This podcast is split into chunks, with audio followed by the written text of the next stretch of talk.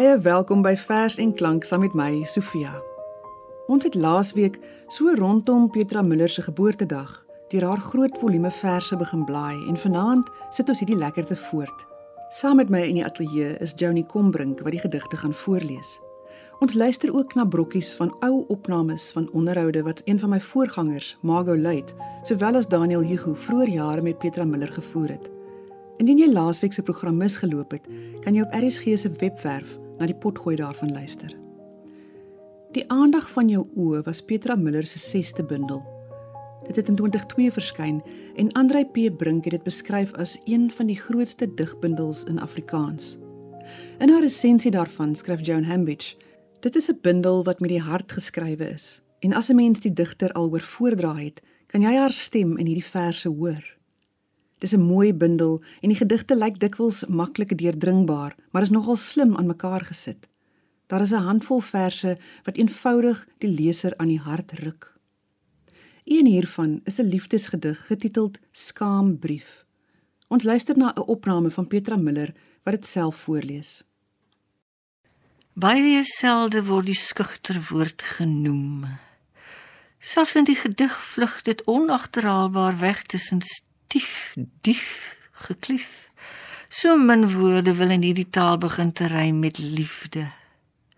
So sien jy die digter sit in kerf van stukkies dryfhout, stokkies, takke, klippe, sate, riet wegwerk, wegwerk tot dit later net 'n brose skag het.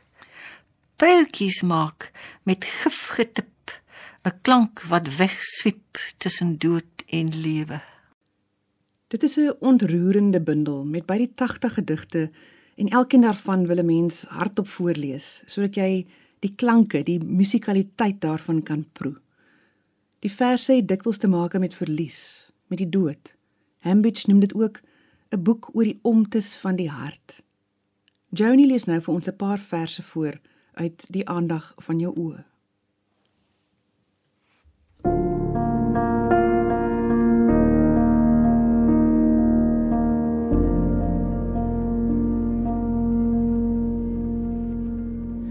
Aanvat. Ek hou altyd jou hande vas, veral wanneer jy weg is. En my onrustige liggaam daarteen uitbeur soos 'n ou vrou teen 'n windvlaag net kan staande bly. Hou ek altyd jou hande vas. My regterhand, jou linkerhand. As jy weg is, soek my hande na mekaar en tas jou aankoms met hul vingers af. Ek gaan sit by my hande. Tussen hulle palms, wat eenmal al twee myne was, lê oases, eilande en see wat intussen stil geword het. Ek sien dat hulle oud geword het. En hulle kom na mekaar toe aan en vind mekaar soos mense wat op reis gegaan het en vergeet het van die tuiskoms. Ook ek het vergeet dat ek met jou te doen het in die oggend soos in die aand my oud geworde hande. Ligter om jou aan te raak as ek hoe het hulle jou nie begryp nie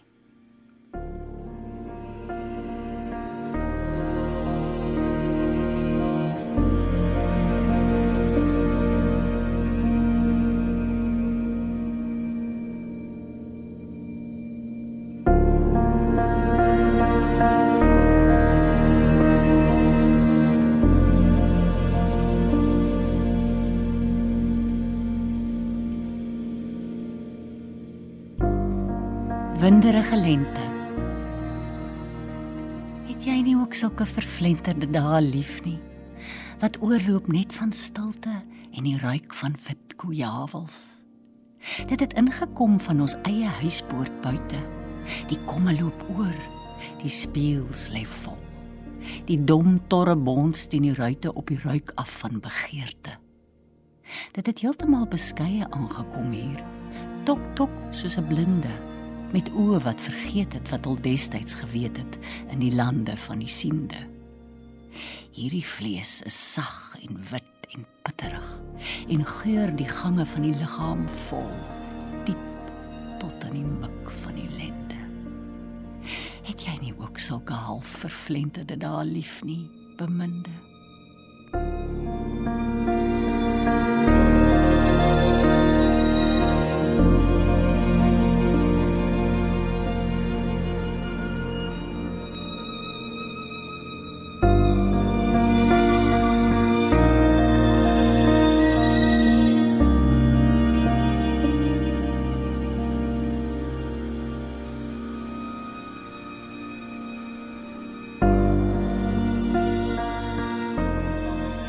Weegskaal. Noem dit nie op nie.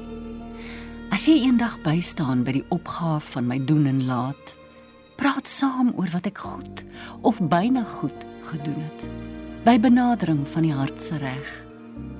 Maar as dit so sou kom dat oor my laat besluit moet word, draai jou dan weg en bly om my onthalwe stil. Die fyn stang van die laaste skaal weeg nie net doen en laat nie, maar ook wens en wou en wil. En sidder nog 'n ewigheid voordat hy stil staan by die tekentjie van inbereken en gedaan. Gedaan. Wees dus nie haastig nie. Versuim kan slyt en ligter word, nes goud en liefde in die bruikleen van die tyd bedink. Die siel word teen geregtigheid geweeg en moet so lig wees soos 'n veer. Verbruik my groot versuime leeftyd lank en lê dit aan die einde van berekeninge liggies teen my liefde neer. Hou dan jou asem op en kyk of dit nie tog sal balanseer.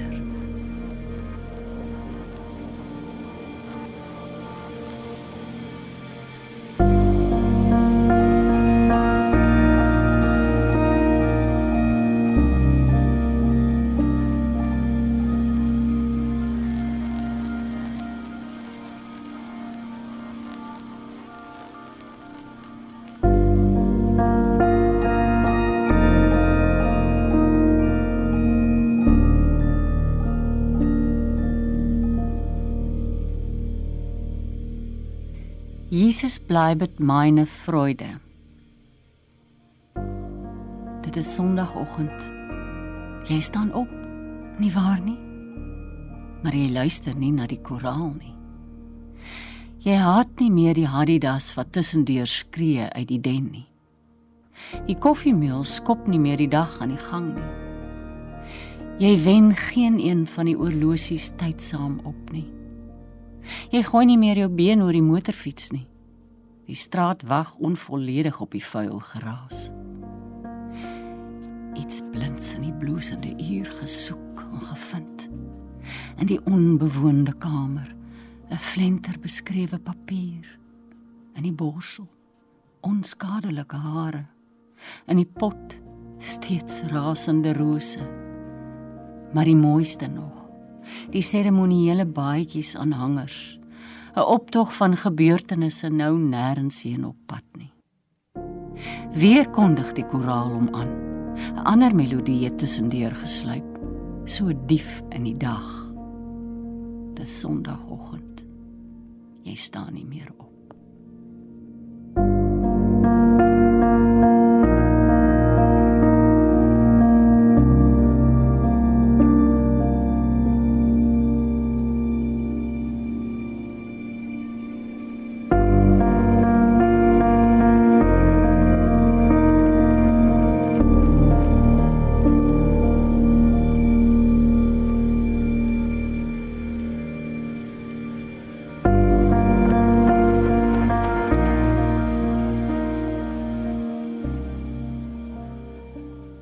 luister na vers en klank saam met my Sofia van Taak.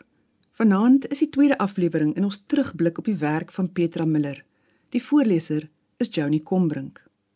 Karen de Tooy van die SAIK se argief het ook 'n paar wonderlike opnames van die onderhoude met Miller opgespoor. In een hiervan gesels sy oor waar haar liefde vir stories vertel vandaan kom.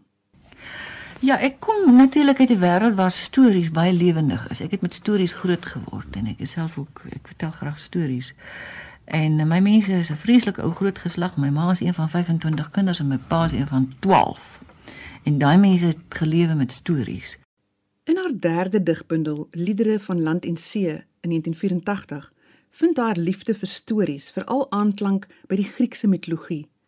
Tot op die stofomslag pryk 'n prentjie van 'n ou Griekse bord waarop Dionysus, die god van vrugbaarheid en ook van wyn, die Romeine het hom Bacchus genoem, se boot afgebeeld is met dolfyne wat daar rondom baljaar en 'n wingerdstok wat uit die hoofmas spruit.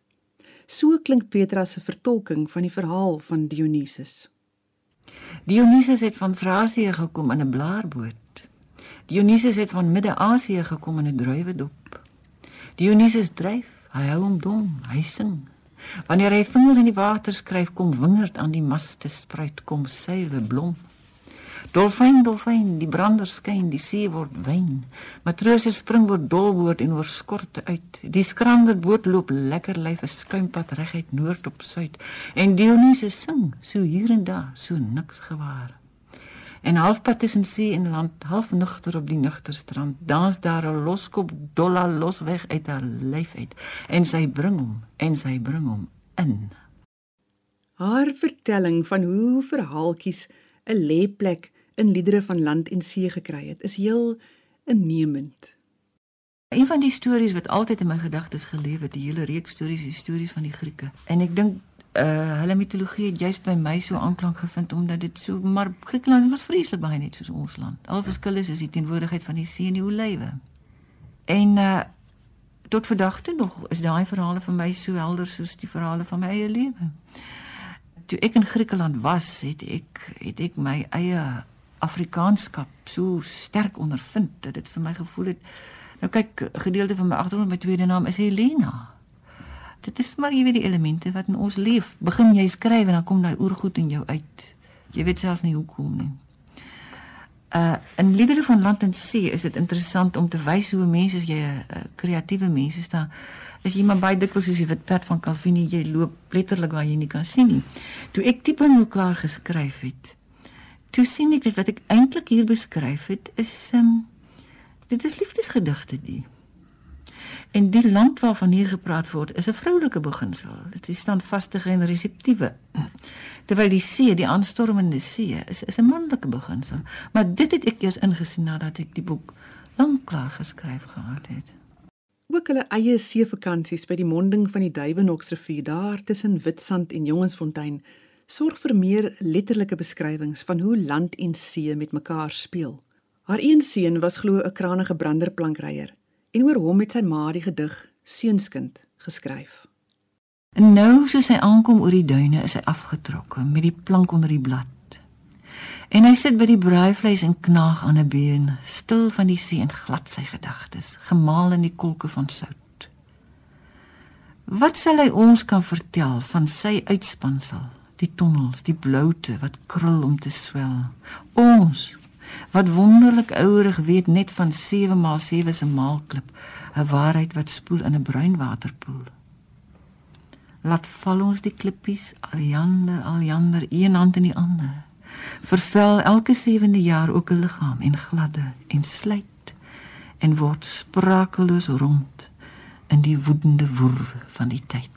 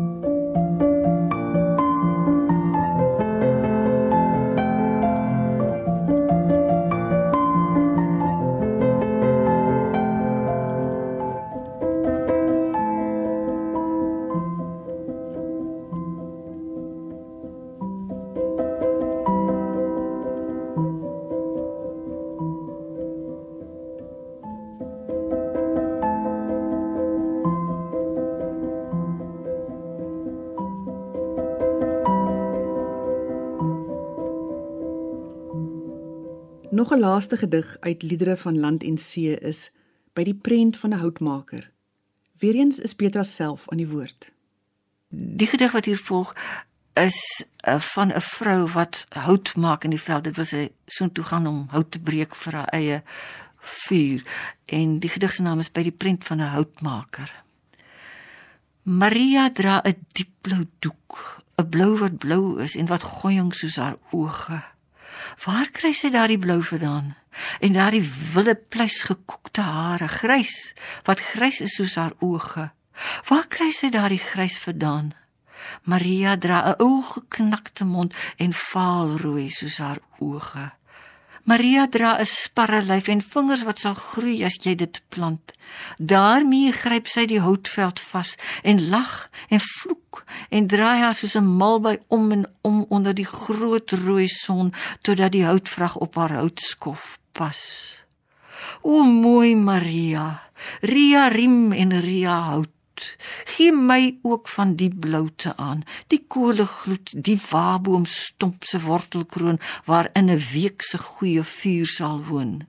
Die sig wat breekhout kloof waar hy daar boom nog staan, die nek wat trek, die neus wat vlek, die bloedpoot en die horingog en gee my vlam. Ek maak vir jou 'n assie oop wat wit is soos jou waboom hoop.